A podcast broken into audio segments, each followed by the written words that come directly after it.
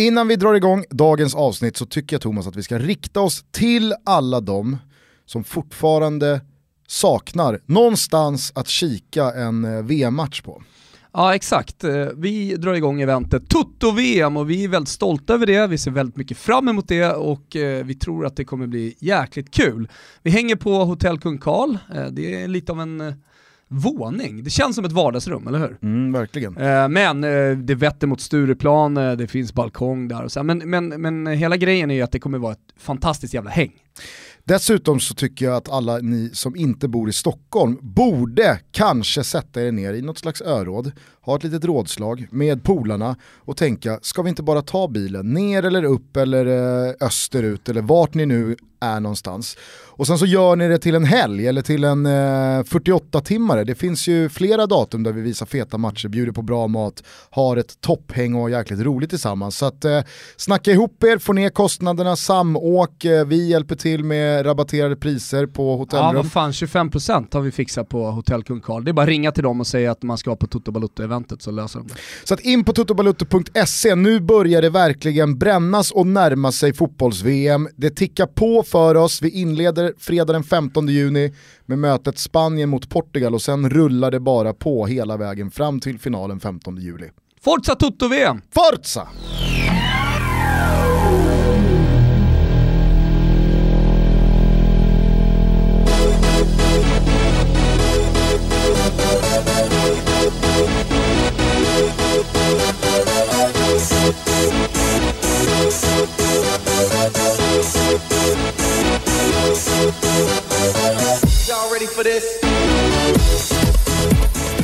Varmt välkomna ska ni vara till Toto Balutto. Det är måndag den 28 maj, den internationella klubblagssäsongen är officiellt avslutad. Detta efter att Fulham tagit steget upp i Premier League och Real Madrid lyft sin trettonde Champions League slash Europacup-titel i lördags. Vilken jävla final det var. Ja, jag hör att du försöker liksom eh, låta glad och energifull här Augusten, men det var en ganska dämpad eh, Dalin som kom in i, i, i Casa Toto här på morgonen.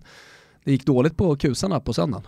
Ja, spelmässigt så var det tungt på Valla igår, men eh, det var lika roligt för det. Solen strålade, vi var ett bra gäng eh, och den där dagen är speciell oavsett hur det går. Var det mycket box? Nej, verkligen inte. Det var, någon, väldigt roligt. Någon som hoppade in eh, och skulle bada Aha. och som åkte på lite, ah, lite stryk av... Nej men två grejer. Två grejer eh, jag, som, som jag tänker på. Vi ska inte prata om kusarna, men två grejer. Eh, det ena var ju det här TV4-klippet som har gått viralt, som är väldigt roligt.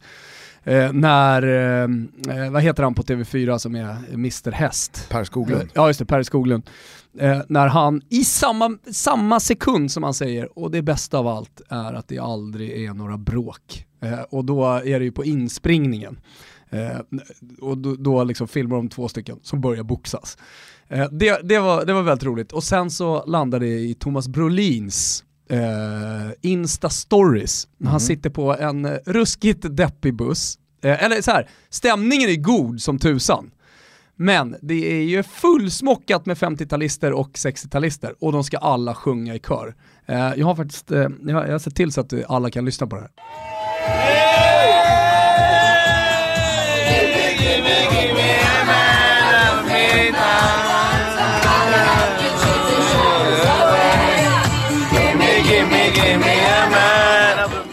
Jag måste ja. säga att jag älskar Thomas Brolin. Alltså, ja. jag, jag, kan tycka att eh, det är så härligt att en så firad fotbollshjälte i ett land bara helt har släppt fotbollen. Nej, han är all in trav och han tittar liksom inte bakåt. Nej. Jag träffade Thomas Brolin i ett annat jobbsammanhang förra veckan och då skulle vi prata upp eh, Champions League-finalen och så kom vi in då på hans egna karriär och hans eh, stora finaler han har spelat. Han har ju spelat cupvinnarcupen och Uefa-cupen med Parma. Och, och herregud med landslaget har han ju upplevt ganska mycket, men då sa han så här, been there, done that alltså.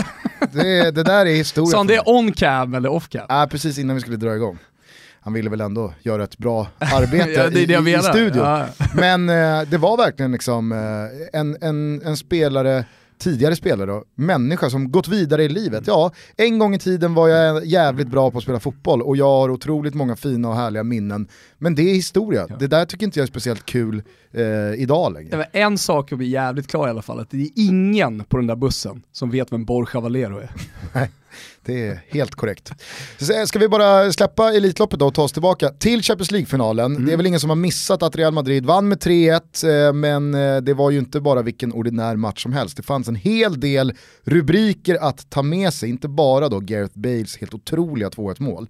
Kanske framförallt då eh, Loris Karius insats, hans tårar har ju också gått worldwide men eh, även Mohamed Salahs eh, axel. Ja, men, det, det, är ju några grejer som du ser, det finns några rubriker eh, från den här matchen som man kommer komma ihåg den eh, eh som liksom final eh, om 10-20 år. För jag, jag, kan inte tänka mig att många kommer komma ihåg eh, finalen till exempel från i fjol som spelades i Cardiff mellan Juventus och Real Madrid. Kommer du ihåg liksom stunder av den? Kommer, alltså, vad är grejen med den matchen? Vad har du för rubriker? Jag... Nu är det snarare att Real Madrid vann sin andra raka.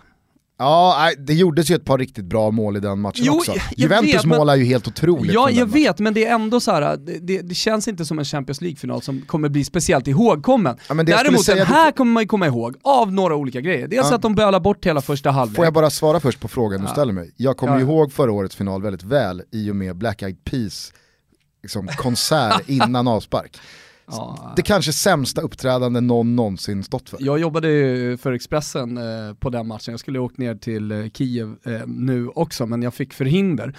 Och eh, nej men, jag kom ju in på arenan halv nio. Så att jag missade ju hela, där, hela den där föreställningen. Ja. Så, som någon slags protest, att det, den här krönikan jag skriver, den ska inte handla om det där. Nej men det var så jag kommer ihåg den. Däremot så finns det ju, om du backar bandet ytterligare ett år, Real Madrid, Atletico Madrid på San Siro. Ja men den var jag också på. Helt, helt tom. Ja, jag tänkte komma till den. Där har du ju helt tomt. Alltså den avgörs ju på straffar och avgörs ju av eh, Ronaldo och liksom, krönikan landar på Ronaldo.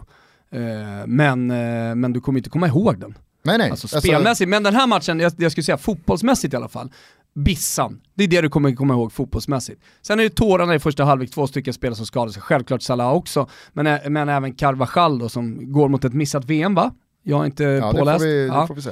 det var det tårarna handlade om, eh, kan jag tänka mig. Eftersom det var så långa tårar och, och sådär. Eh, och sen så Karius.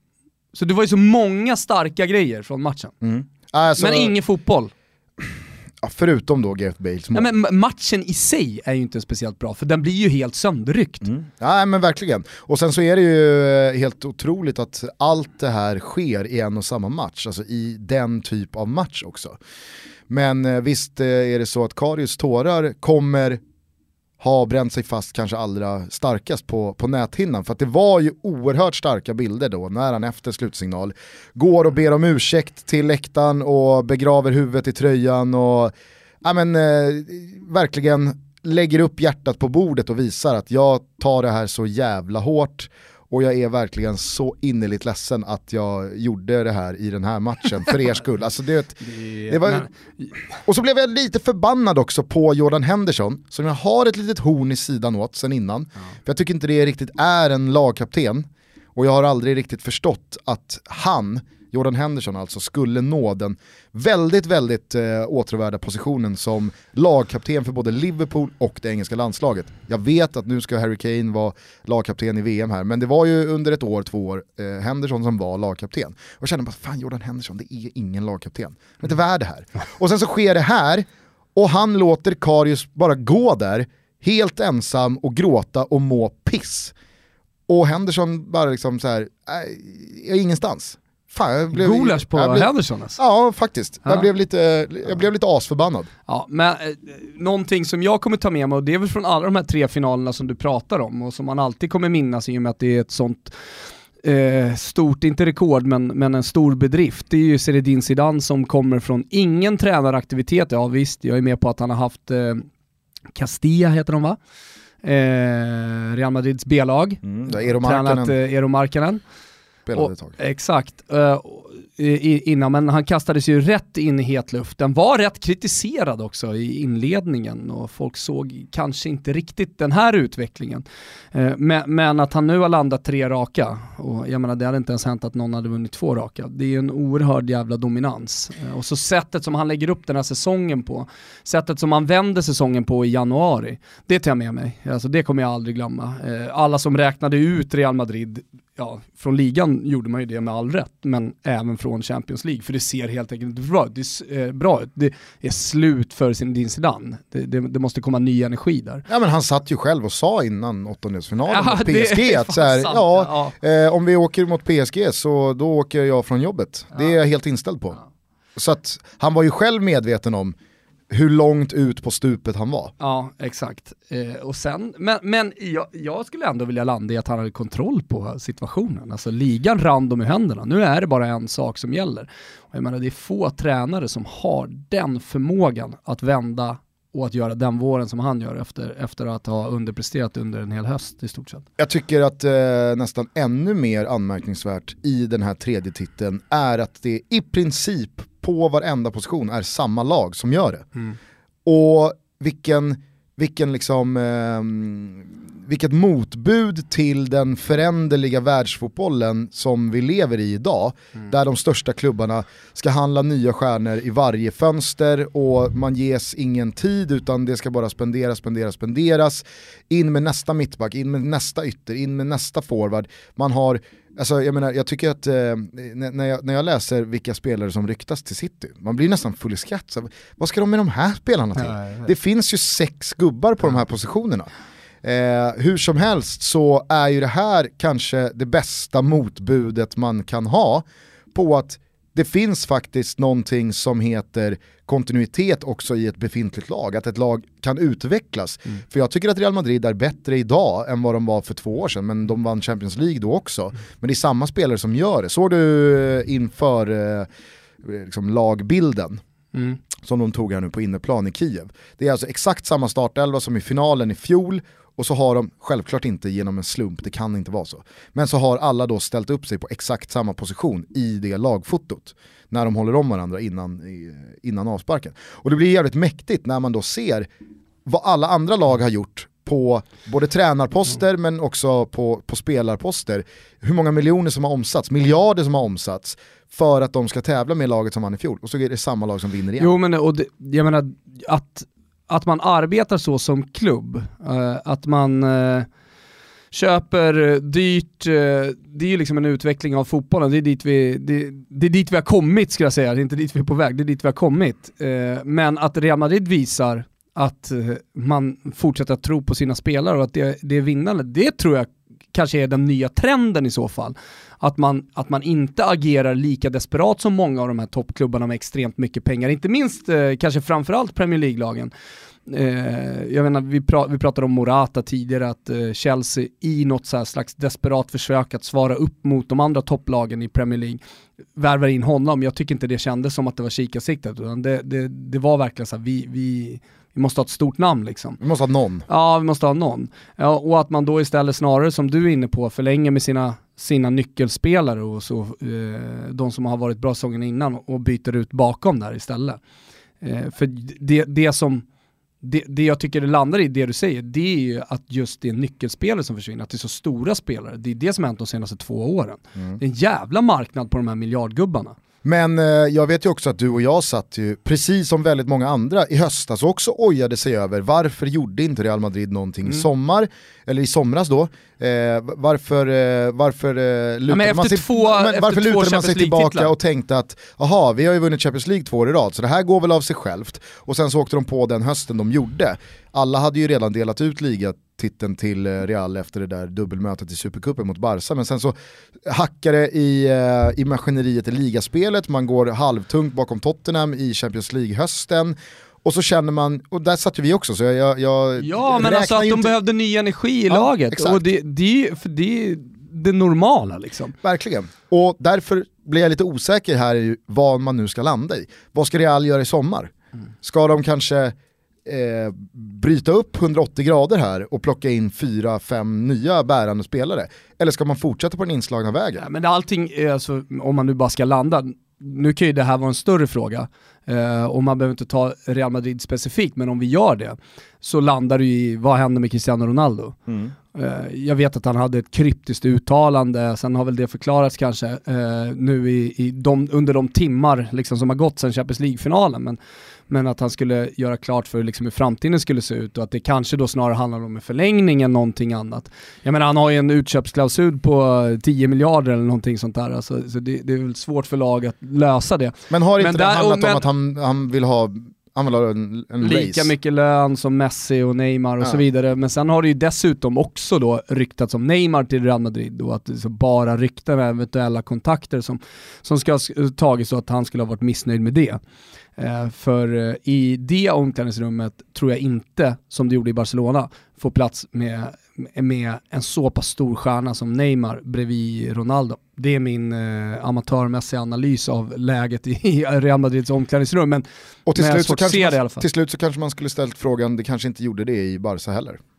Äh, ja, det kan man ju alltid, kan man ju alltid fråga sig. Å andra sidan så tror jag så hade Neymar varit kvar, då hade, de, då hade de kanske varit i den här finalen. Absolut, jag menar bara att det hängde nog ganska, ganska mycket ihop med Mm. varför Neymar lämnade. Så sugen tror jag inte han var på Nej, det handlar väl bara om image eh, och liksom hierarki. Mm. Eh, och, och Han ville sitta där- tron. Han vill sitta tron. Eh, Han, eller hans pappa. ja, men han har ju sagt det, hans farsa. Ja. Att eh, Neymar spelar fotboll, men det är jag som sköter företaget Neymar. Ja, nej, men det, Det vill säga businessen. Så att, eh, det är han och Neymar har ju gått med på det. Jag kommer ihåg jag skrev ett spelarknäck eh, förut om, eh, om Neymar. Just det, det citatet. Att eh, Neymar bara svarar på det, att ja, nej, men det stämmer. Det är Mm. farsan som bestämmer vart jag ska gå. Oavsett vad så Sanning blir med det, modifikation, men ändå. det blir jävligt intressant här nu att se vad som händer med detta Real Madrid som alltså bevisligen kan vinna Champions League tre år i rad, men som också lika bevisligt har haft problem att hänga med Barcelona och Atletico Madrid under 38 omgångar i ligaspelet. Så att eh, vilket, vilket eh, val de väljer att eh, ta här nu i sommar, både truppmässigt och ekonomiskt ska bli jävligt intressant att se. Ja, Kul också för, svårt. Kul också för Gareth Bale, eh, för att han lär väl också dyka upp i någon slags T-korsning här eh, Mm. till, till sommaren. Eh, har ju fått en eh, ny vår här under de senaste månaderna med Real. Han har ju fått utstå väldigt mycket kritik för sin fysik och alla sina skador. Han har väl eh, missat typ 43% av alla Real Madrids matcher sedan han kom för fyra år sedan. Är det så Eh, alltså? Fem år sedan. Ja, jag tror jag har sett någon sån Är det siffra. Olas eh, statistik från fotbollslabbet? Nej, då hade jag fan varit... Nej, det då då, hade nej, han, hade sett, jag, har- han hade ju sagt, jag har sett eh, eh, fem- 1733 träningar med Bale. Mm. Och sen så hade han tagit- plockat ut liksom sekund för sekund vad som hade hänt. Nej, men jag tror att jag läste någonting i vintras om att på de fyra och ett halvt åren Bale har varit i Real så har han varit icke uttagbar till eh, 43% Ja, av det är Real. Madrids matcher. Så att det är ganska mycket, men han är ju uppenbarligen fit for fight igen. Han är ju eh, 29 år gammal och Ni är årsbarn va? Mm. 89 han ser ju eh, faktiskt ut att vara en man för den här nivån ett par år till. Borde ju kunna ha eh, liksom, tre riktigt jävla bra år i ett annat topplag nu om man skulle vilja gå, om man känner att han inte riktigt har motivationen i Real Madrid. Nej. Men det är, det är en av supervärvningarna i sommar, om Mo Salah är en så är Gareth Bale garanterat en annan. Han sa ju själv här efter matchen Och jag är inte säker på eh, vem som kommer slå bäst ut av de värvningarna. Om det nu skulle bli så att Salah går till Real Madrid Nej. och han går, vad vet jag, till United eller vad fan som helst. Han sa ju oavsett själv här efter matchen att eh, jag vill spela fotboll varje vecka Mm. och får jag inte göra det här så måste jag göra det någon annanstans. Och så är det med den saken. Sen så ska väl Florentino Perez ha tillbaka lite deg. Han, eh, Men å andra sidan, jo men en miljard miljard, jo men å andra sidan, så här, den miljarden idag, det, det känns som för Gareth Bale, det, det känns som väl spenderade pengar, trots, alltså när han gör det här målet inte minst, men det han har bidragit med under 57% av Real Madrids matcher de senaste åren. Sen är väl dessutom Real Madrid typ plus i netto senaste året. Ja, alltså, de har nej men de har ju inte, de har inte köpt någon spelare på ett år. Mm. Eh, så att eh, det känns som att man inte, Någon man, spelare man måste de ha blöder köpt. Jag tror fan inte det. Alltså de släppte James Rodriguez till Bayern München. Det var det som hände i somras. Gjorde ingenting i vintras. Någonting borde de ha gjort. Nej. Nej. Någon jävla marknad. Nej. Ja. Nej. Då har de flyttat upp lite gubbar från Castilla och det, alltså, så här, och det är det som är så jävla coolt. Jo, Att det slutar så här. Så att jag tror nog att eh, Real Madrid har nog råd att eh, bara få en 600 ja för, de för köpa, de kan, ja absolut, 600, de kan ge bort dem och ändå ha en jävla massa pengar och köpa precis vad de vill. Eh, vad tror du händer med Karius då? Niva satt ju på riktigt i studion och pratade om att det här kan ju vara en sån här karriärs eh, vändande Jo men match. framförallt för att Ka- Karius är väl inte en av de målvakterna som har setts eh, i ett topplag. Eh, och eh, vad jag har förstått det, liksom, redan innan den här matchen så kollar väl Liverpool på eh, keeprar inför den här sommaren. Det har i alla fall ryktats en hel del om det. Eh, och sen kom den här matchen. Så att man ska nog inte bli förvånad om det är så att Liverpool startar när Premier League drar igång i början av augusti med en annan målvakt. Och vad händer med Karius då? Blir det Swansea med Harry, eh, Harry Potter, höll jag på att säga, Graham Potter? Ja. Och Kribben. Ja, och Kribben. Ska inte han hem? Ja, jag tyckte han var ganska tydlig med att eh, Han det kom ska, ut i mixade zonen med landslaget. Nej, alltså, det basunerades ju ut i WhatsApp-grupper och eh, även på nätet liksom att eh, Kribben, Kristoffer Nordfeldt, i stort sett var klar för AIK var det va? Mm. Eh, och det första han gör när han kommer ut i mixade zonen och bara, ja, jag kan ju bara säga det, eh, svara på den frågan om AIK, att nej, det kommer inte hända att jag går till en allsvensk klubb. Kommer inte spela nej, allsvenskan. jag kommer inte spela allsvenskan. Ja. Han var ganska tydlig kan man säga. Nej, men jag, jag eh, håller med dig, jag ser det absolut inte som omöjligt att det står en ny slips på, på Anfield i höst. Kanske rent av Buffon. Hänger. Eh, men eh, hela, hela vägen fram till den här finalen så har det ju varit att ja, men Mignolet fick ju sin beskärda del av kritik i, i många, många, alltså i typ två år. Och så var det liksom, nu måste vi ha in någon, till, eh, någon, någon ny och Mm. någon till och så kommer Karius in, eh, får chansen, börjar liksom roteras in. Är ju skitdålig, gör sina tavlor, så då var det så här, "Ah, fan, vi kanske inte ska byta från Mignolet. Tillbaks med Mignolet, så stod han några månader till, men sen så började de dribbla igen då och sen typ januari va, så har väl Karius Nej men från ingenstans så stod han mål, liksom. plötsligt där och, och räddade bollar och gjorde det bra. Ja, nej fy fan, jag tror att Nej det är han, har över haft, för honom den han har gubben. haft ett par så tunga Han rätt ut timmar på här sen. savannen. Hur gammal är han? Ja, han är bara 24. Äh, 24? Ja. Fan vad trist alltså att skicka ut någon på savannen. Så tidigt. För övrigt så kan, ju, kan man ju säga det om Zlatan, där har det dött ganska hårt. Det är ingen som kollar på MLS längre. Det är ingen som eh, skriver om Zlatan speciellt mycket. Eller? Nej, förutom eh, när han liksom lappar på motståndare i bakhuvudet. Jo, jo, men jag menar alltså att han håller ju på att självdö här. Med, med, alltså sättet som han beter sig på. Så att just nu på savannen har vi alltså Karius, Ventura och Zlatan. Ja, Ventura, herregud. Hörde du igår? Ni, Och vet- André vem Boas, André Villas Boas bränner ju han, förbi nu. han brände, brände förbi och, och Brände dör förbi i en trafikolycka i någon jävla sanddyna. Eh, så de- den, alltså där går det ju fort va? Ja, men för alla som inte vet, Giampiero Ventura var förbundskaptenen som plockade Italien efter att ha varit i Torino några år och missade alltså landets första fotbolls-VM på 60 år. Ja, första någonsin, typ kan man ju nästan säga. Eh, och eh, alla hatar honom eh, och framförallt sättet han gjorde exit på. Eh, menar på att han eh, var girig bland annat. Eh, ställde upp på sin första tv-intervju i alla fall här, eller första intervju, men det var tv-intervju igår. Och eh, man kan ju säga så här, om vi då innan trodde att eh, Giampiero Ventura skulle ha svårt att komma tillbaka till Italien och leva ett liv där, efter att ha då spelat bort Italien från eh, ett VM. Alltså, vi får ju bensin på elden efter den tv-intervjun. Han börjar med att säga att Nej, men det är mitt ansvar och bla bla bla. Klassiskt ju, eller hur? Ja. Och sen börjar han att rada upp vad alla felen var. Det var ju inte väldigt mycket som låg på honom. Det var det ena och det fjärde och han hade minsann sagt upp sig också efter eh, Makedonien-matchen som var så dålig. Eh, Men förbundet de sköt bara tillbaka hans uppsägning och sa det där accepterar vi inte utan det är bara att fortsätta. Så det var förbundet då som hade hållit honom kvar. Eh, säger att jag, det jag borde ha gjort det var att sagt upp mig efter Spanien där de torskade stort på bortamatchen. Det var mitt enda fel liksom, men jag sa faktiskt upp mig efter Makedonien-matchen. Inte Ja, spela men- bättre fotboll då? Alltså såhär, Ventura, håll käften bara. Alltså, låt det lägga sig, prata aldrig mer. Var med i en öppen intervju om hur jobbigt det har varit om tre år, eh, liksom. men lägg ner. Alltså, man kan grejen ut, är ju Man såhär, kan inte åka ut mot Sverige i playoff och sitta och säga att mitt enda misstag var att inte kliva av efter Spanien-matchen ett par månader tidigare. Nej, och se till att förbundet måste sparka honom också, så han får ju då en rejäl fallskärm. Han tjänar ju stora pengar på, på det här till och med. Det, det, nej, för fan alltså. Ska han visa sig på ett torg i Italien? Det går inte. Det är bara fram med giljotinen, ut med bödarna, så ut med folket på torg och jubla och sen är det bara knopsa av den där skallen. Så han kanske gör bäst i att hålla sig på savannen, för att hålla sig vid liv. Han kanske bara ska strosa runt på savannen. Han är någon sån här paradox att han håller sig vid liv på savannen. Alla, alla andra går ut på savannen för att dö. Ventura är ute på savannen för att hålla sig Nej, levande. Så, Ventura, han, eh, han är så jävla dåre så han har ju hittat ett litet vattenhål men han berättar ju inte det för någon annan så han ligger ju bara och badar där med sina solglasögon. Det är, inte, det är inte bara Ventura som det händer grejer kring. Eh, men vilka är gällande... på savannen sa du? Det är Zlatan, Ventura och Karius just nu. Som och håller på Boas blir... bränner ju omkring där i någon bil. runt i en kraschad bil. Ja, det är de fyra just nu. Det är de fyra som i alla fall leder styrkorna där ute. Ja, får se vem som dör först. Känner du pulsen Gusten?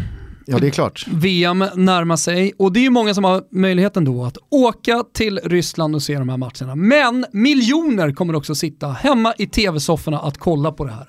Och då är vi väldigt glada i Toto Balotto att vara sponsrade av Elgiganten. Ja men så är det verkligen. Kan man inte vara på plats så måste man såklart välja det näst bästa alternativet till att följa den här fotbollsfesten. Och det gör man ju såklart genom en riktigt fet tv-apparat, ja. något som du inte har.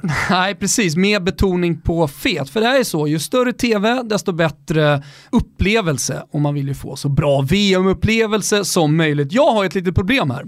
För jag flyttade till ett nytt eh, radhus här för några år sedan och eh, kom då med en befintlig tv som jag satte upp via en öppen planlösning och efter att ha varit och pratat med Topdogsen på Elgiganten, visat lite bilder om hur det ser ut nere i mitt vardagsrum, så skakade de ju bara på huvudet och sa det där Thomas, det är för litet. Så vad är då budskapet Gusten? Storleken har betydelse i det här fallet.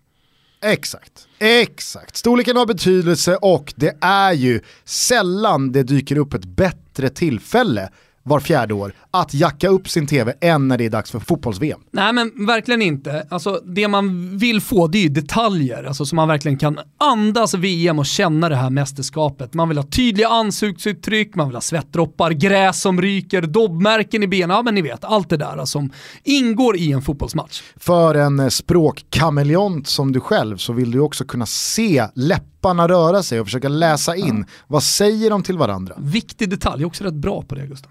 Ja. Mm. Över två tredjedelar av alla tv-apparater som säljs idag är i alla fall större än 55 tum, så jag kommer ju inte långt med min lilla 42.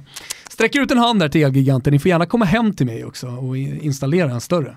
Kanske de kan sätta den också på en bättre höjd. Du har ju satt din tv alldeles för högt upp. Ja, men det är många detaljer. Går man in i en Elgiganten-butik, ja men då får man ju precis den hjälp man behöver. Man beskriver sitt rum och så vidare, så, så får man den storleken som eh, är bäst då för just dig. Vet du vad det bästa är med att växla upp sizemässigt på sin tv till fotbolls-VM? Berätta. Ja, det är ju att den såklart hänger kvar när VM är slut och finns där när det är dags för ligorna att dra igång sen igen i augusti. Jag menar Serie A, Champions League, Premier League, La Liga och Allsvenskan blir ju precis lika bra på en ny fetare tv som fotbolls-VM. Så det är inte bara för en kort månad man gör det här. Nej, och för familjen om man nu måste övertyga dem om en större tv så kommer ju ni att förhöja såklart deras upplevelse alldeles oavsett vad de kollar på. Vi är väldigt glada över att Elgiganten är med oss nu under fotbolls-VM och vi tillsammans med dem hoppas såklart att ni jackar upp 'cause size matters. Size matters. Tack, Tack. till Elgiganten. Tack. 250 miljoner kronor Gusten, det är vad Betsson betalar ut till den som sätter vad då?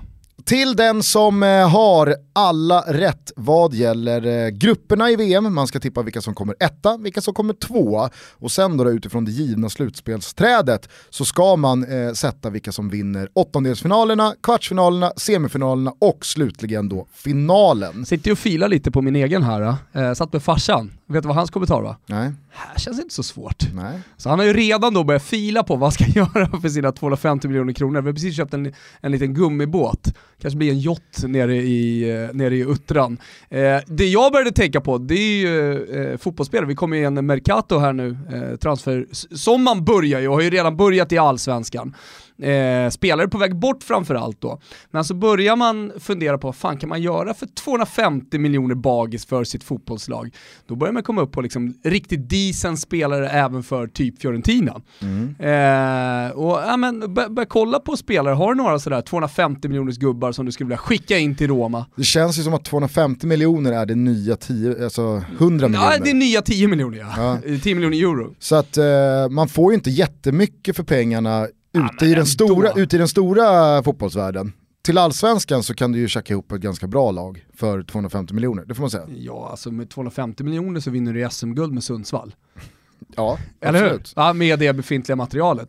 Eh, men annars De här... behöver inte toppa upp speciellt mycket kan jag säga. Nej. Däremot så finns det andra hål i deras ekonomi som man skulle kunna stoppa 250 miljoner i. Ja, men jag, tänker på, jag tänker på Hammarby till exempel, om jag sträcker mig till Jesper Jansson eh, och den sportsliga ledningen i Hammarby. Perfekt gubbe om Gille skulle försvinna i sommar. Mycket talar ju för det. Borja Valero från Inter. Jag tror han skulle landa, han hade blivit liksom 30, ja, 30 plus. 250 miljoner kronor tror jag att Inter skulle gå med på. Frågan är bara om eh, supportrarna hade sett Borja Valero i laget före Junior och Jeppe Andersen. ja, det, det är en bra fråga. Borja Valero, vad är det för gubbe? Han har ju bara lirat i Serie A, Serie A har väl gått ner sig kanske Djurgården säger. Jag hade ringt runt eh, till de olika klubbarna och så hade jag sagt, eh, eller Först så hade jag ringt Danne ja. och så hade jag sagt var vill du lira? och så hade han då fått singla ut en allsvensk klubb och så hade satt honom där. Ja.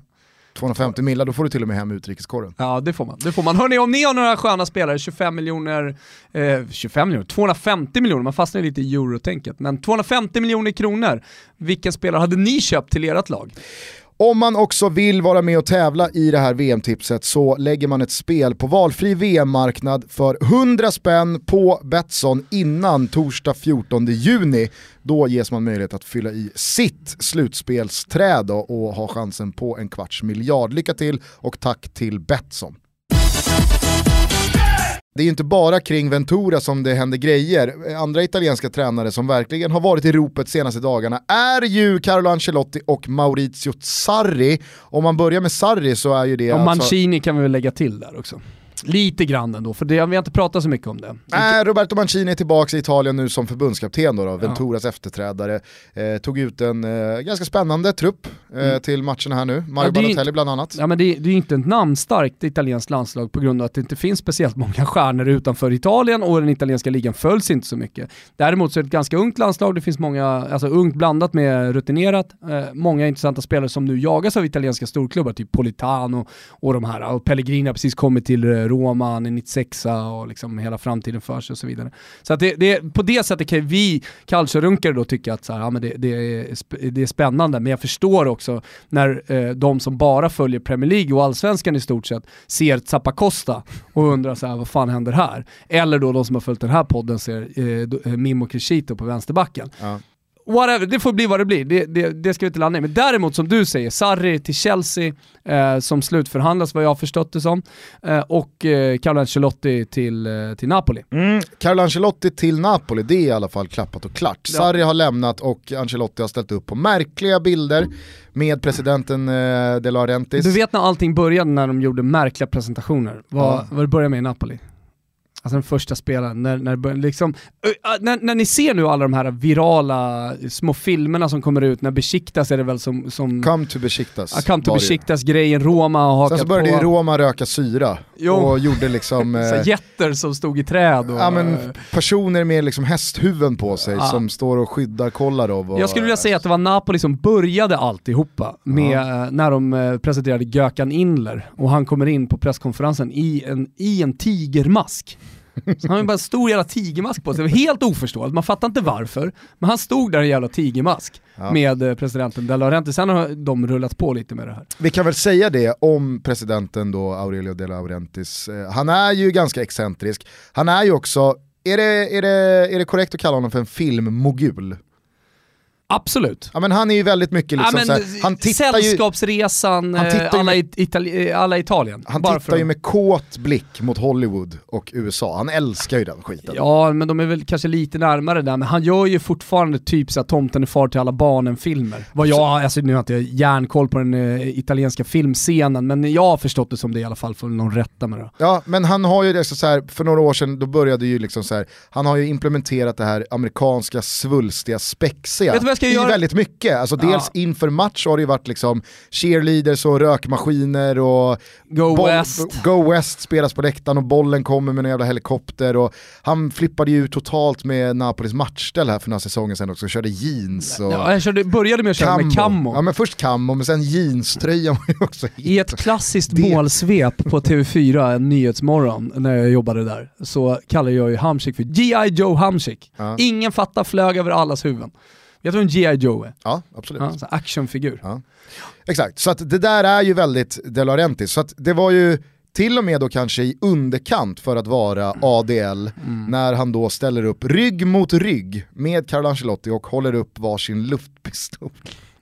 Nej, Alltså håller upp varsin Alltså händ, fingerpistol. händerna formade som Ja. varsin pistol. Som James Bond, eh, och det är väl eh, mannen med den gyll- gyllene pisto- pistolen ja, när de står framför eh, Der Nagel. Men, eh, har du koll på den? James Bond Island.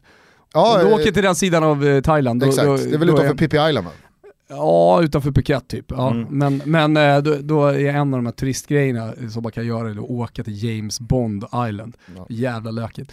Och där vet man ju att alltså, så här, det är ju, det är ju Jag på har för De övrigt Laurentiis varit på, bucket jag list. har för övrigt varit på eh, James Bond Island. Jo, men det, är- det är alla italienarnas bucket list. Alltså de, när de turistar, det finns ju inga som turistar som italienarna. De ska, man säger att japanerna liksom gör Italien, alltså landet, på fyra dagar. Alltså italienarna, de har sådana jävla scheman när de åker. Alltså det är, du vet, de har ju sett fler museum än vad du har gjort i, i Stockholm när de varit här i en dag bara. Det är bara Garanterat. Puff, puff, puff. Men det märkte man ju faktiskt i höstas då, på tal om det här playoffet Sverige-Italien, när vår gode vän Tancredi Palmeri var här. Han, det var ju liksom så här, alltså nu får vi checka upp ganska snabbt här för jag ska till Vasamuseet. Ja. Ge fan i Vasamuseet. Varför då. Tank? Ja. Ja, men jag, jag har hört, det är en fascinerande story, jag måste Så var det dit. ABBA-museum, ja, det var fan och hans moster alltså. Ja, nej, men så att eh, Napoli plockar in Carlo Ancelotti, vad kände du eh, när den eh, switcheroon eh, Kul. briserade? För det gick ju ganska snabbt. Nej men framförallt så har jag väl känt att det har funnits väldigt mycket italiensk eh, fotbollskunskap i andra länder, alltså inte i form av spelare men i form av tränare. Eh, och att så här, fan, någon måste ju komma hem någon gång och att dels då få tillbaka Roberto Mancini till den italienska fotbollen i form av förbundskapten och nu Carlo Ancelotti i ett titelutmanande eh, Napoli. Det tycker jag är fräscht, jag tycker att det är kul, jag tycker att det är eh, ditt favoritord spännande. Eh, det ska bli kul att se vilka spelare han kan locka med sig för att jag menar så här, det blir en helt annan grej när han sitter där, om man pratar om storspelaren, när Sarri sitter där, med all respekt för vad Sarri har gjort, eh, så, så, jag menar så här, de här ryktena med Vidal som då eh, kom från Sportmedia sett i Italien. Eh, det var någon som skrev, det var, det var en riktigt suddig bild på en sydamerikan. Och bara Vidal är i typ Fiumicino, på väg till Neapel för att signa kontrakt. Han blir första eh, eh pilastro, vad heter det, eh, grundpelaren i Ancelottis bygge. Eh, så visade det sig vara ja, random jävla sydamerikan bara. Så jävla roligt nu när de ryktena kom. Och jag hade ju bara retweetat den typ som att så här, ja men tittar, fan nu börjar det rulla på. Tog ju bara liksom en timme innan det började göras eh, memes kring det där. Memes. Memes. Ja, men samtidigt tror du, eh, alltså, 70-talister de, nya 60-talister då. ja, men samtidigt tror du inte att eh, Napoli, med, med, alltså så här, med all respekt då tillbaka åt Carlo Ancelotti och allt vad han har gjort, känns det inte som att det ändå är att byta ner sig? Nej, men, alltså, Det var väl en match Han- made in heaven, Napoli-Sarri, fotbollen som se. spelades och resultaten eh, de når, poängskörden de skrapar ihop i Serie A. Alltså, Jo men, men sam, samtidigt så här. Ja, det, det, det, hade, det hade väl kanske varit önskvärt då om man lyssnar på Napoli-supportrar att förlänga, det hade varit drömmen att förlänga med Sarri, men, men eh, Ancelotti betyder någonting annat. Alltså det blir ett annat, eh, Napoli kommer se annorlunda ut, eh, självklart spela annan fotboll, men det kommer finnas en annan aura kring Napoli och det tror jag bara är till det positiva inför nästa säsong. Är det någonting som Ancelotti vet, är det någonting som han är grym på, så är det att vinna titlar och hur gör man det? Jo, man lägger upp säsongen och pytsar ut tillräckligt med energi i under hösten och under vintern så att man på ett Zinedine Zidane-sätt, ett ex Mourinho-sätt är bäst när det gäller. eh, och se till att ha tillräckligt många poäng och se till att vara med. Men sen sätter man in dödsstöten i de viktiga matcherna när det verkligen gäller. Jag vet att det är en, en grej som jag alltid liksom tar upp, men det har Ancelotti. Det hade inte Sarri. Han kan inte rotera, han har aldrig gjort det tidigare. Eh, liksom med, med, med de stora. Så kan man ju hävda att han inte hade truppen, absolut. Men då får väl Ancelotti se till att fixa den truppen då. Så att alltså jag, jag, jag jag, jag, hör, jag hör eh, de Napoli-supporterna som är eh, lite missnöjda, men samtidigt så tror jag att de inte ska klaga för mycket utan vänta och se hur det går så får de gnalla i december när de är bortspelade från titeln istället. Men, men så här, byta ner sig, ja men det surrade som Arsenal, eller hur? Vad var det mer för klubbar? Eh, för Ancelotti? Ja. Ja, det pratades väl om comeback i PSG? Ja, och, och massa olika så här, jo fast Napoli kom tvåa, var nästan titeln i Serie A och äh, vad man än tycker om liksom, den italienska ligan så är det ett semifinallag i Champions League som nästan, eh, eller kvartsfinal var det mot Juventus va? Real Madrid. Jaha, ja exakt. Ja exakt, kvartsfinal var det mot Juventus nästan vänder på den steken. Det är mästarna. Det är mästarna från, från i fjol som de åker ut, uh, ut emot. Uh, Napoli är liksom, som du nämnde här tidigare, poängrekord. De är fan nära att ta den här scudetton. Arsenal kommer femma, sexa i Premier League. Ja, det är, det är en större liga, det är mer pengar, men fotbollsmässigt, jag vet inte fan. Uh, alltså, eh, Napoli har pengar och så skulle De Laurentiis öppna lite på plånboken och kanske få bort en del, han vill ha så image rights för spelare och sånt där och liksom släppa lite på det, då, då tror jag att uh, Ancelotti kan se till att värva ihop ett ganska slagkraftigt lag tillsammans med, med Juntil och de här sport, sportsliga ledarna.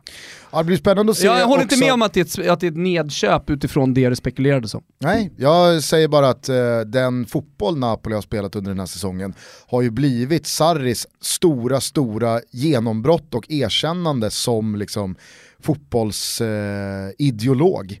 Eh, ja, och det ska men... bli väldigt spännande att se var den nu hamnar, om det blir Chelsea och vad Sarri kan göra med Framförallt måste jag ju kunna kommunicera sin jävla fotbollsideologi. I Premier League.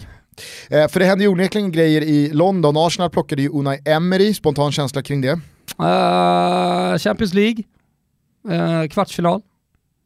Du kan eh, se det hända mm. direkt? Ja, kikarsiktet som jag kollar i just nu, och det brukar vara rätt skarpt, rätt skarpt nu också. Mm. Ja, där har du Enda som grumlas i det är att Arsenal inte spelar Champions League. Men, eh, Nej, eh, men alltså, i, alltså de inom en till, överskådlig ja, framtid. Ja, exakt. Ja. Eh, och, och, men självklart, jag menar, han har ju vunnit Europa League hundratusentals gånger, så det är klart att han kan vinna Europa League. Har du hört hans engelska?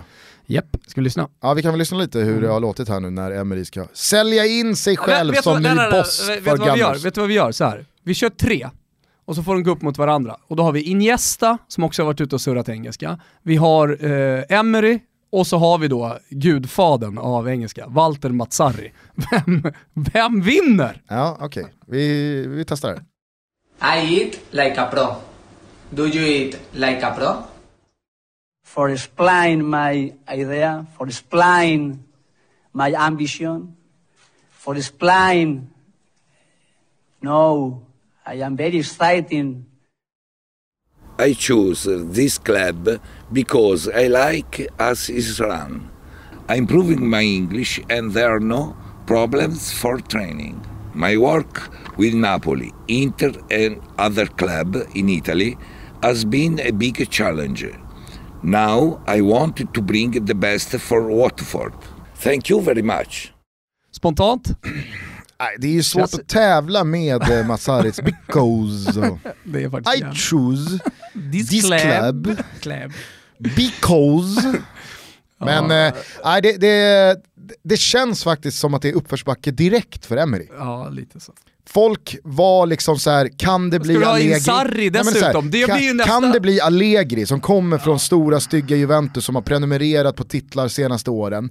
Eller är det så att det kanske blir Ancelotti oj oj oj, vem av dem blir det? Och sen in från höger kommer Mikkel Arteta, deras tidigare lagkapten. Alla älskar Arteta, fan det kanske är honom vi ska gå på istället. Hemvävt, han som förstår klubben, han kan det här inifrån. Han har DNA, Arsenal i blodet. Unal Emery. Och så blir... Officiellt. Gå Gunners. Men äh, ja, jag vet inte. Det, det, blir, eh, det blir spännande att följa det blir jävligt kul i alla fall att se den där stan. Pochettino eh, förlängde ju med Tottenham så att han blir kvar. Kommer fan, Sarri... Tottenham kan bli vassa nästa år. Ja, låt säga att de skulle landa Bale också i någon ja. slags comeback.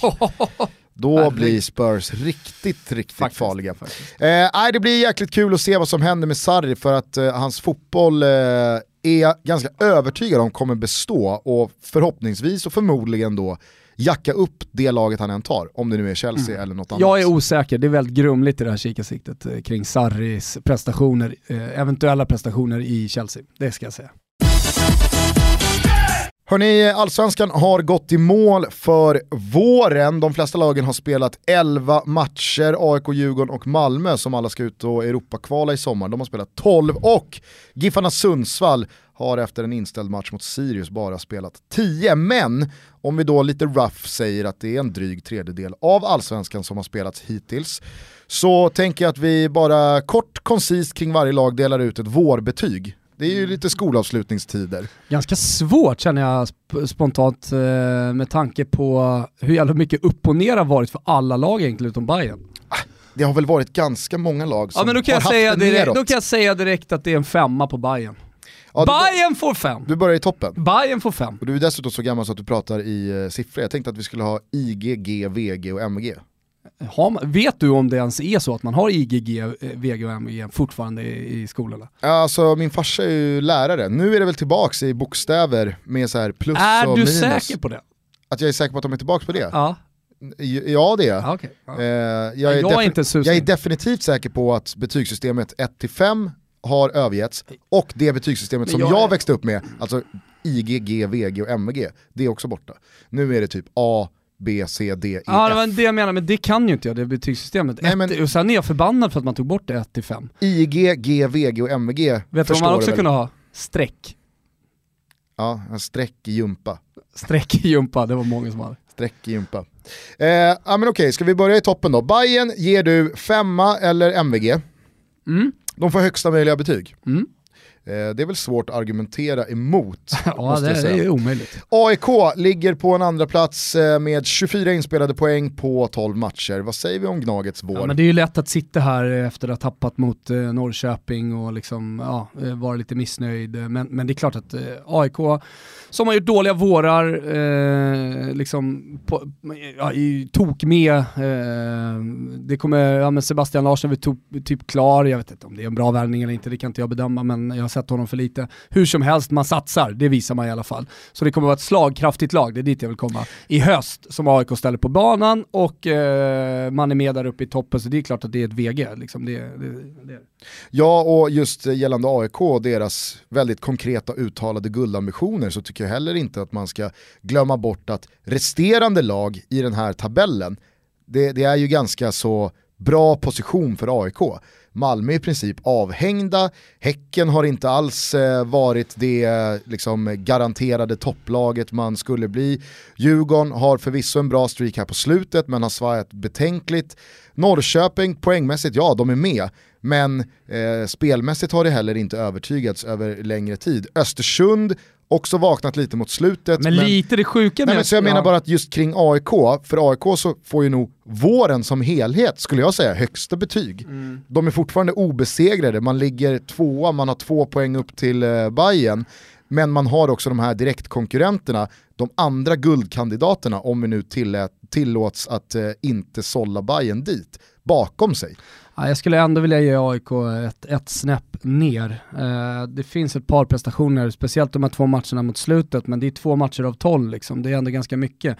Eh, som jag tycker är alldeles för dåligt. Så att det, det, det, ja, jag kan inte sätta högsta betyg på AIK. Fast är inte det där lite, liksom lite i tiden, att det känns som att många, många allsvenska lag har nästan, liksom, har nästan köpt någon sån här att man ska vinna varje match. Nej, ja det kan jag hålla med om i och för sig. Har det inte då. blivit lite väl stora proportioner Jo, kring att eh, allsvenska lag spelar oavgjort? Jo men eh, du, när jag landar så är det i alla fall sättet man, man tappar ledningar på. Alltså, om man nu ska vara ett mästerlag så, jag menar du kan spela en bra match, det kan skjutas en stolpe in och så vidare, men att tappa ledningar på det sättet, det är det jag menar. Ja. Det, det, det, det, gör att de, de får inte toppbetyg av mig helt enkelt. Eh, Så då vill jag hellre sätta toppbetyg på Norrköping. Ja, nej, men Som- det håller jag med dig om. Norrköping tycker jag med sina 23 poäng plats eh, ska ha högsta betyg för resultatet. Sen så är det också väldigt mycket prestationer som ty jag tycker har svajat, där man har haft eh, lite stolpe in, man har haft lite medflyt. Det som är med Norrköping är att de har, det, de, de har ju det roligaste laget. Eh, och jag, det är ju rent subjektivt eh, när, när jag liksom tittar på dem. Jag tycker att eh, guden till vänster är så jävla härlig. Liksom. Jag tycker att eh, Simon Tern har kommit igång. Alltså, målet de gör på AIK när Kalle nickar ner den. Alltså, vad är det för mål? Mm.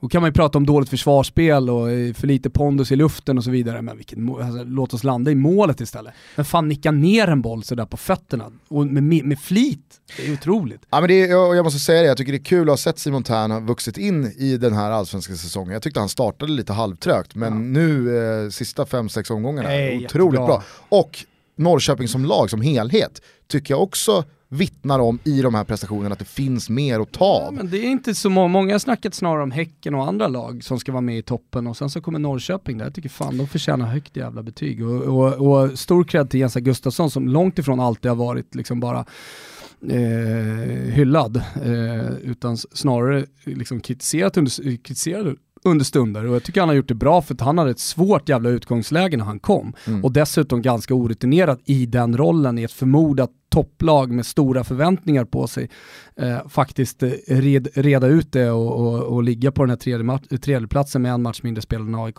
Grymt alltså. Djurgården ligger fyra, 20 pinnar. Det är lätt att eh, den här kupptiteln färgar eh, totalbetyget för våren, men det man nog inte ska underskatta är vad den där kuppfinalen gjorde för Djurgårdens säsong och matcherna som följde. För att sen dess så har det sett jäkligt bra ut. Det är ett Djurgården som går på sommarledighet i betydligt större harmoni mm. än vad fallet var bara för en månad sedan. Ja men de eh, tycker att Öskan eh, också på ett sätt eh, rider ut stormen fantastiskt bra. Eh, man vänder någonting som är så extremt negativt. Alltså, för när det gick dåligt, då var det inte kul att vara Djurgårdsspelare och djurgårdare och sånt där. Och det krävs moral och det krävs mod och det krävs en massa grejer för att kunna vända en sån negativ trend. Ja, bortamatchen mot BP var någon slags lågvattenmärke jo. och då väntade kuppfinalen mot Malmö och det kändes som att nu kan allting spricka för Diffen här. Mm. VG, ska vi landa i det? Mm. Örebro då, hade det här avsnittet gjorts för två veckor sedan så hade vi ju delat ut MVG, mm. antar jag. Ja men eh. de är ändå snudda nära för måste utgå ifrån eh, förutsättningar för alla lag, så är det ju. Mm. Så att, och, och där tycker jag att Eh, alltså, jag kommer ihåg när Axén var här, han pratade om att klubben ville att man skulle vara topp 5 och slåss om Europa i framtiden. Det kändes inte speciellt troligt. Eh, nu känns det jättetroligt att de kommer vara med där uppe och slåss om de här platserna. Sen om, det, om de landar i slutändan, det, det återstår väl att se. Jag tror inte att de gör det, men ändå. Nej, det tror inte jag heller och vad jag är inne på varför man kanske sjunker från toppbetyg till någonting strax därunder är ju trenden som varit. Mm det har inte blandats och getts och det har dykt upp segrar lite här och, eh, här och var utan man inledde ju helt otroligt bra. Sen kom det ett par tunga torskar. Det kändes lite som att nu börjar tanken sina lite på bensin. Visst, en bra eh, krigartrea mot Kalmar här mot slutet, men jag tror att om man skulle bli av med, låt säga Nahir Besara här nu i, i, i sommar, så ser jag inte riktigt Örebro fortsätta leverera det här poängsnittet och snarare att det dippar åt ja, andra men det hållet. Är ändå så här, det är, ja, jag, jag är med på dig, eh, men det är ju också fortfarande en, en framtidsspekulation. Alltså så här, om vi bara landar i det de har gjort här nu, precis som du säger, snäppet under toppbetyg, det tycker jag de ska ha. Alltså, mm. för det, det, det, är såklart jätteimponerande. Sen kommer vi till Östersund. Ja, och trots en sjätteplats med 17 poäng och absolut inte speciellt många poäng upp till Europaplatserna, så känns det som att man inte kan ge mer än G. Men, nej, kanske inte. Alltså, du, du skulle kunna ge ut ett MVG till sättet de reagerar på. Eh, för alltså, att ha det med Kindberg eh, och liksom åka på den starten och ändå liksom komma tillbaka, först ta sig ifrån liksom bottenstrid när folk höll på eh, och, för jag menar så här, jag har kritiserat, eller kritiserat, jag har inte trott på Östersund som seriesegrare. Däremot så har jag verkligen inte trott på dem som att de skulle ligga i botten den här säsongen. Eh, och sen så ligger ju mina spekulationer, tidigare spekulationer väldigt mycket också på eh, vad som kommer hända i sommar och sådär. Och nu är till och med Potter nära Swansea. Eh, och Goddes kommer gå och Sotte är väl klar för Köpenhamn och, och så vidare och så vidare. Men skitsamma, Östersund, sättet de har vänt det på, det är MVG. Eh, sättet de inledde på, det är IG. Eh, så, så, att eh, de, de landar ju någonstans på eh, ja, svagt godkänt. Ja men eh, det, det, det köper jag, jag tycker det är, det, är ett, det är ett rimligt betyg till Östersunds vår. Kalmar FF ligger på en sjunde plats, 17 pinnar. Nanne Bergstrand är ju en garant för att eh, inte liksom eh, brottas i den absoluta botten. Jag tror dock inte heller att Kalmar kommer att ha att göra med positionerna ovanför sig just nu. Och samtidigt så är väl det exakt vad man kan förvänta sig av Kalmar. Eh, kanske lite därtill ja, i och med att Rasmus Elm har eh, haft en ganska jobbig vår. Det är det här betyget år, man att, eh, hatar Gusten, när läraren kommer och man sitter där och hoppas på att det skulle varit en fyra eller ett VG. Och så kommer och säger ah, du är nära men du faller på, på, på det här provet. Jo men muntligt så är jag MVG, jag räcker upp handen och kan jättemycket. Och jag hade G plus på det sista provet, det var det enda, ja ah, du faller precis alltså. Så det blir en stark trea Ja men till... då kan vi väl ändå ge VG minus. Nej, det är det som är grejen. Fast VG minus är ju en stark trea. Nej. Jo. Nej. Jo. Fast det är ändå VG, du har ju betyget VG som du tar med dig in.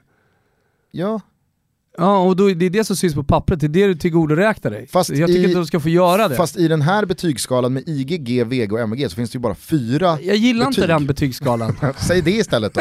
jag säger för det att nu. Säga, för att hävda att en stark trea inte är VG minus. Ja men okej okay då. VG minus är en stark trea. Ja, nej, de, för, de, ja, de, de, faller bort från den betygsskalan. De får en stark trea helt Okej, okay, av mig får de VG minus. Sen ja. så i mina öron så är det exakt samma betyg. Så att uh, jag tror att många yngre lyssnare Sen har vi röven. i alla fall för, uh, för, för, eh, förstår mig.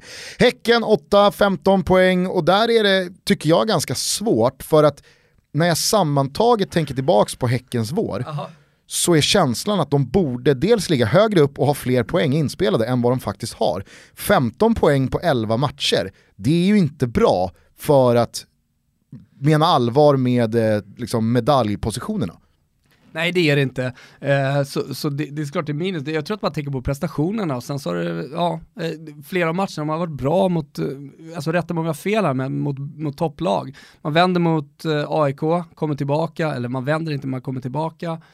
Eh, ja men det, det, är ändå så här Gusten, om man går ut och vill vara med och slåss, och sen så ligger man där man ligger, då är det inte riktigt godkänt. Nej, Nej men vi kan väl säga godkänt då. Ja men det är fan, det är fan på håret alltså.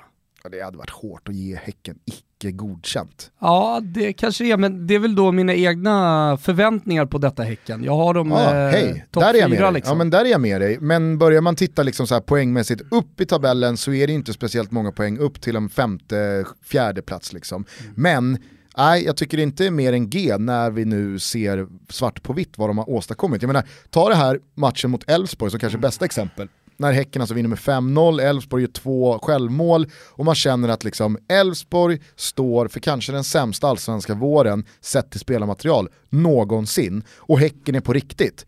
När vi nu konstaterar att 11 matcher har spelats så har Häcken tre poäng mer än Elfsborg. ja. Det är helt otroligt. Ja, det är faktiskt Eh, Giffarna Sundsvall då, nio, oj, oj, oj. nionde plats, Om man har ju trott på hela poäng. vägen, till skillnad från alla andra. Har jag sagt det? Jajebuxen, det är bara spola tillbaka Toto alltså. Ja. Om någon Kolla kan mitt lyckas, säsongstips! Om någon, om någon kan lyckas ha det här på band så eh, skicka in det i hashtaggen Toto det vore ju kul. Eh, jag minns i alla fall inte. Men på tio matcher, alltså en match mindre än de flesta, två matcher mindre än eh, några lag, så har eh, Giffarna skrapat ihop 15 poäng och här måste jag faktiskt säga att ett högt jäkla betyg ska delas ut. För det är inte bara resultaten man har fått med sig utan spelmässigt har man varit riktigt, riktigt bra. Prestationerna ja. har varit på topp. Och en del förlustmatcher har varit värda betydligt mycket mer i resultat. Då tänker jag inte minst eh, nu senast här mot Norrköping, när man både kan vinna och kanske framförallt mm. eh, få med sig en poäng. Man gör tre mål borta mot Bayern. Eh, man eh, spelar eh, riktigt, riktigt bra i eh, på matcher mot Malmö där man inte vinner, utan åker på, man får bara 2-2. Men den här senaste matchen mot IFK Göteborg när man vinner med 2-0 va, eh, mm. eh, bekvämt, tycker jag ändå markerar Giffarnas vår att fan hej, de här, de här har knäppt alla på näsan och visat att de inte är ett bottenlag. Så att MVG till Joel och boysen? Ja det tycker jag, och sen så, om, alltså jag vill verkligen nämna Linus Hallenius här nu som eh, i jargongen bland supportrar och folk som följer allsvenskan är en slutfotbollsspelare, liksom, det blir inte tillräckligt med mål, det finns en, en en oerhört fin grundtalang i honom eh, och att han får ut det i hela sitt spel. Jag, jag tycker alltid så att det, man, man tar död på, på spelare alldeles för tidigt. Eh, Eh, och den här typen av spelare blom, blomstrar också sent, det är någonting som jag återkommer till. Eh, så att jag tror att så här, Linus Alenius har ju ett topplag att göra. Eh, jag tror att man eh, inte gör helt fel att kolla på honom om jag hade varit eh, liksom, eh, titelutmanare eller haft de ambitionerna. Bakom Giffarna så hittar vi Malmö FF på en tionde plats. 12 spelade matcher, 15 inspelade poäng och man avslutar den här våren med 1-1 hemma Finns mot streck Dalkurd. i IG? Alltså IG är ju streck. Okej. Okay. Ja, jag vill ändå dra in strecket, alltså en etta är ett ruskigt svagt betyg. Överstruken geting. Ja men eh, vi har ju den va, på ja. Expressen. Eh, så, men absolut ett eh, alltså, lägsta betyg som finns. Ja men det är väl inte mer än rätt, alltså Malmö FF har på 12 allsvenska matcher minus 3 i målskillnad. Ja. Man har gjort 15 mål på 12 matcher, eh, man hade alltså en förluststreak som var uppe på fyra raka. Mm. Man, slår, man, man, har sparkat tränare, man slår inte ens jumboplacerade Dalkurd när det betyder som allra mest att avsluta våren med mm. någon slags här ton som slår an att nu har det vänt. Nu går vi in i nästa fas av säsongen med lite jävla tro på grejerna i alla fall. Det ser håglöst ut, ja. man undrar vad, vad truppbygget egentligen var för korthus. Mm. Eh, ja, mm. Jo, jo, visst, men det, det, jag, jag, tycker snarare att man inte får ut liksom. Nej men just den här saknaden av Geisten och det som har varit Malmö ja. FF och kanske framförallt symboliserats av Markus Rosenberg de senaste åren. Det har ju varit som bortblåst. Tutti sport. Det, tutti sport. Nej, överstruken geting till Malmö FF. Blåvitt då, elfte plats, 13 eh, poäng. Och här tycker jag verkligen din initiala beskrivning av eh, våren passar perfekt. Alltså det har svajat, det har varit ganska höga toppar, ja. det har varit väldigt mycket djupare dalar och det känns oerhört svårt att liksom landa i någonting kring Blåvitt. Tabellposition och poängskörd det... är ju inte godkänt. Alltså IFK Göteborg ja, alltså, på en elfte plats med 13 poäng. Men, men det, här, det är det här jag tycker klubben gör bra, att de inför säsongen inte har några så jättetydliga resultatmål, framförallt att man pratar om långsiktighet. Och då finns det också en helt an, ett helt annat tålamod i, eh, i supporterleden och, och liksom i tonerna kring laget, kanske också från media, som gör att jag, jag, jag så här, det är knappt godkänt, absolut, men det, men det blir ändå ett litet G eh, för, för Göteborg på grund av att eh, det finns ändå tendenser och eh, man, man, man, man ser på det långsiktigt. Eh, jag hade inga större förväntningar på dem. Och vi ska ju utgå ifrån förväntningarna. Det var total kaos hela vintern liksom verkligen, men jag tycker också att du låter lite som en snäll lärare. Lite som min farsa som har betygs, jo, men... eh, han har alltid liksom en käpphäst kring betyg. Att om jag ligger och pendlar mellan två betyg på en elev så ger jag alltid det högsta. Ah, han är snäll, pappa ändå. Mm. Men det känns ju lite som att du landar i det också, ja, att väldigt mycket är inte godkänt kring IFK Göteborg och, och vad de har presterat den här Nej. våren. Men det är också en del som har varit ganska bra, som lovar en del i det som komma skall. Så att, ja, visst, ja. vi tippar över till att, till att Göteborg får Fan vad snälla vi var alltså mot IFK Göteborg som ligger 11 i tabellen med tre poäng ner till Brommapojkarna. Elfsborg oh. då, 12 plats, får man 12 poäng. Mm. 11 matcher spelade, 13 mål gjorda med en offensiv i truppen som heter Jebali, Lundevall, eh, Frick, eh, du har eh, Viktor Prodell och det, bakom finns Stefan Ishizaki. Och, mm. Alltså det, och, och då ska man ändå komma ihåg att Elfsborg alltså spottar in sex av de här målen de sista två omgångarna mot eh, Trelleborg respektive Dalkurd. Där man alltså gör sex kassar men också tar sex otroligt tunga poäng. För att annars, annars alltså, vet för en vecka sedan så var man på sex poäng. Nej, det, det, de, de gör ju det Malmö skulle ha gjort, liksom, avslutar med flaggan i topp. Ja. Lundevall eh, gör en monstermatch. Eh, ja, men du vet, så få igång nyckelspelare, mycket handlar om det, Gusten. Att få igång sina nyckelspelare. Sen så eh, vet alla att eh, Elfsborg också gick in i den här säsongen med en ny tränare, Jimmy Thulin var på plats från J Södra och det skulle liksom jobbas långsiktigt och Elfsborg skulle bli en, Alltså man skulle in i en ny storhetsperiod men det skulle få ta tid. Däremot så tycker jag verkligen det är icke godkänt. Det är underkänt av Elfsborg att så tydligt ha en så vital del av spelet, alltså defensiven, under lupp som att så här, det här måste ni göra någonting, åt. Att gå in i säsongen utan att ha gör, gjort någonting åt den, vare sig transfermässigt eller spelmässigt, det är för dåligt. Ja. Och nej, jag kan inte vara så snäll så att jag ger godkänt till Elfsborgsborg. Okej. Den, den är inte Nej, godkänd. lyssnar på dig. Trellehulla då? Trellehulla måste jag ändå säga att, alltså, det, fan vad de krigar. fan vad det sen har är de pannben på de har där de den där jävlarna. prestigematchen eh, mot Malmö FF såklart som, som gör att de eh, nästan liksom väger upp ett betyg här. Ja. Eh, å andra sidan så kanske de ryker ändå va? Det är väl eh, inte speciellt otroligt att Trelleborg kommer eh, befinna sig i bottenstriden hela säsongen ut. Sen om man slutar 12, 13, Ja. 14 eller 15 eller 16, det, det, det kan jag inte, det kan Nej. inte svara på. Men jag tycker att det säger en del om Trelleborg att man trots bara 10 gjorda mål har 11 poäng. Alltså det är ett lag som, visst, det kommer torskas här och där hela tiden. Men de tar varje match som en ny uppgift och det känns inte som att man är inne i någon tung svacka någon gång under den här våren. Utan man kraftsamlar till varje ny 90-minutare, åker och slår Norrköping borta liksom. Och sen så slår man Jävla Malmö hemma. segrar. Men i andra matcher så, så har man inte ens eh, hugg Det är på, inte på de en matcherna pinne. ni ska vinna va? Nej, men fan Hulla har pannben. Ja, Hulla pannben. Eh, BP har inte haft så mycket pannben. De har haft tränare som går upp och tackar eh, tillresta supportrar, det har varit gulligt och, och sådär. Men ja, nej, jag vet inte. Jag tycker BP får godkänt för att man på hemmaplan tar sina segrar eh, och är ett lag som man bara inte åker och slår. Där tycker jag BP har gjort det bra, för att spelmässigt har det inte sett ut, men de tror på det de gör. Och de lagen de har slagit hemma, så man har slagit Häcken, man har slagit Djurgården, man har slagit Kalmar. Ah, jag kan inte förvänta mig så jävla mycket Ja mer men det är bra då, godkänt här. Dalkurd får underkänt. Jajebuxingen. Som det snackades och lovades mycket kring detta Dalkurd. Ja, det har varit en flytt som garanterat har eh, påverkat lagets sportsliga förutsättningar. Men sett till laget man har, sett till eh, det man eh, påstod sig vara och sett till hur matcherna sett ut, där man har tappat flertalet ledningar, några av dem också tvåmålsledningar, till förluster, så har det varit för dåligt. Ja det är för dåligt. Uh, nu gick man in i förra matchen här inför uppehållet utan tränare och körde med sportchefen på bänken. Mm. Eh, och det kan man ju diskutera om det var bättre än att liksom sparka efter den här sista matchen eh, eller inte. Men eh, Två jag tycker i alla fall att på det... tränarlinjen nu. Ja, men jag, ja, precis. Men jag tycker i alla fall att det är ett sva- svaghetstecken från den sportsliga ledningen. Eh, och, och det skickar inte speciellt fina signaler eh, till supportrarna heller tycker jag. Eh, och det känns lite som man famlar i sina beslut och ja, men det är klart att det är icke godkänt. Precis som det är för Sirius. Ja, där, Även om där jag säga- Arvidsson alltid är 5 plus. Ja, Ja det är han, Ja. verkligen.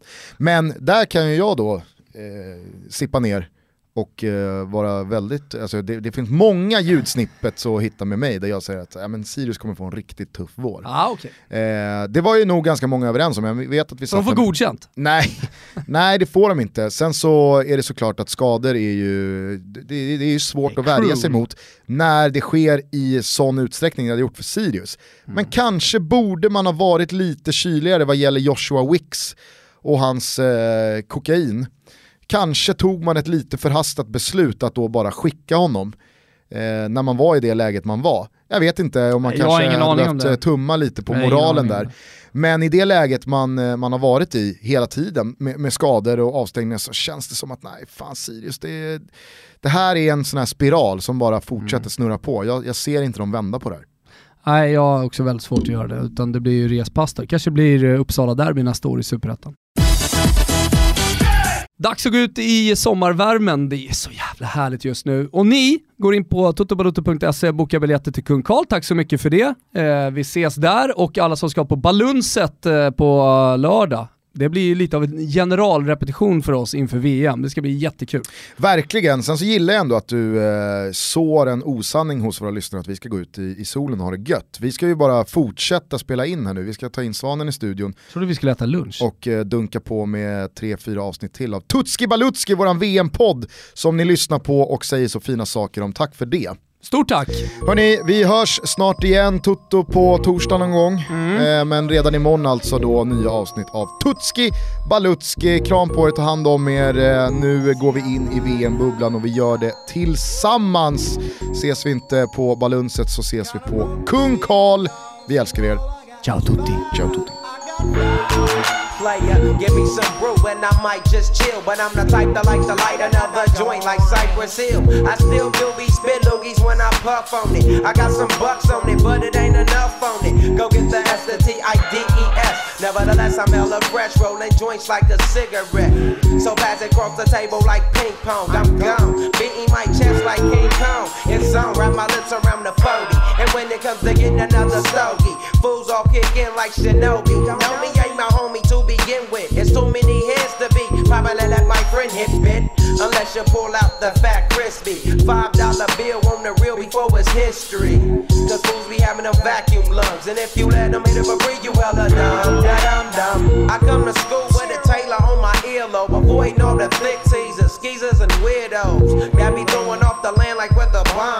Give me two bucks, you take a puff and pass my bomb back. Suck up the dank like a slurpee. The serious bomb will make a nigga go delirious like Eddie Murphy. I got more growing pains than Maggie. Cause homie snagged me to take the dank out of the bag.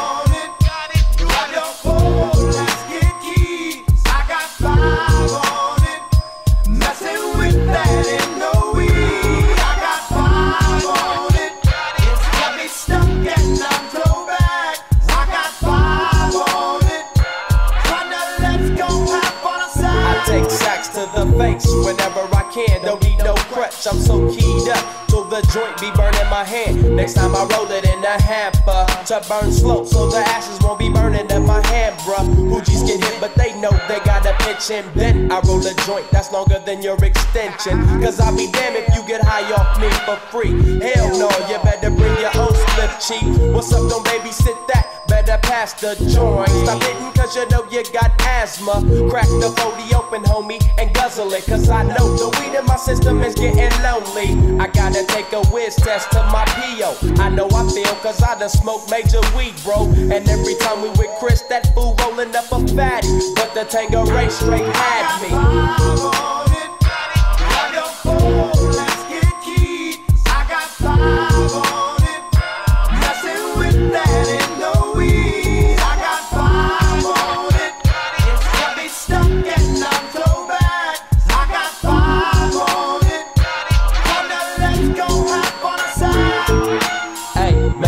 Right, man. Stop at the light, man. My yesterday thing got me hung off the night train. You fade, I fake, so let's head to. Kort kommentar bara snabbt eh, Gusten här. Eh, Mimmo Crescito, vänsterback i italienska landslaget. Ja. Är du glad? Nej, Nej! nej verkligen inte. Varför skulle jag vara glad för det? Det, jag vet inte, alltså, någonstans så älskar Ingenting man ju att hata. Jag unnar honom ingenting. Nej, okej, okej. Nej, det var bara det jag ville veta. Jag vill bara ha din kommentar kring det. Hörni, Hepper.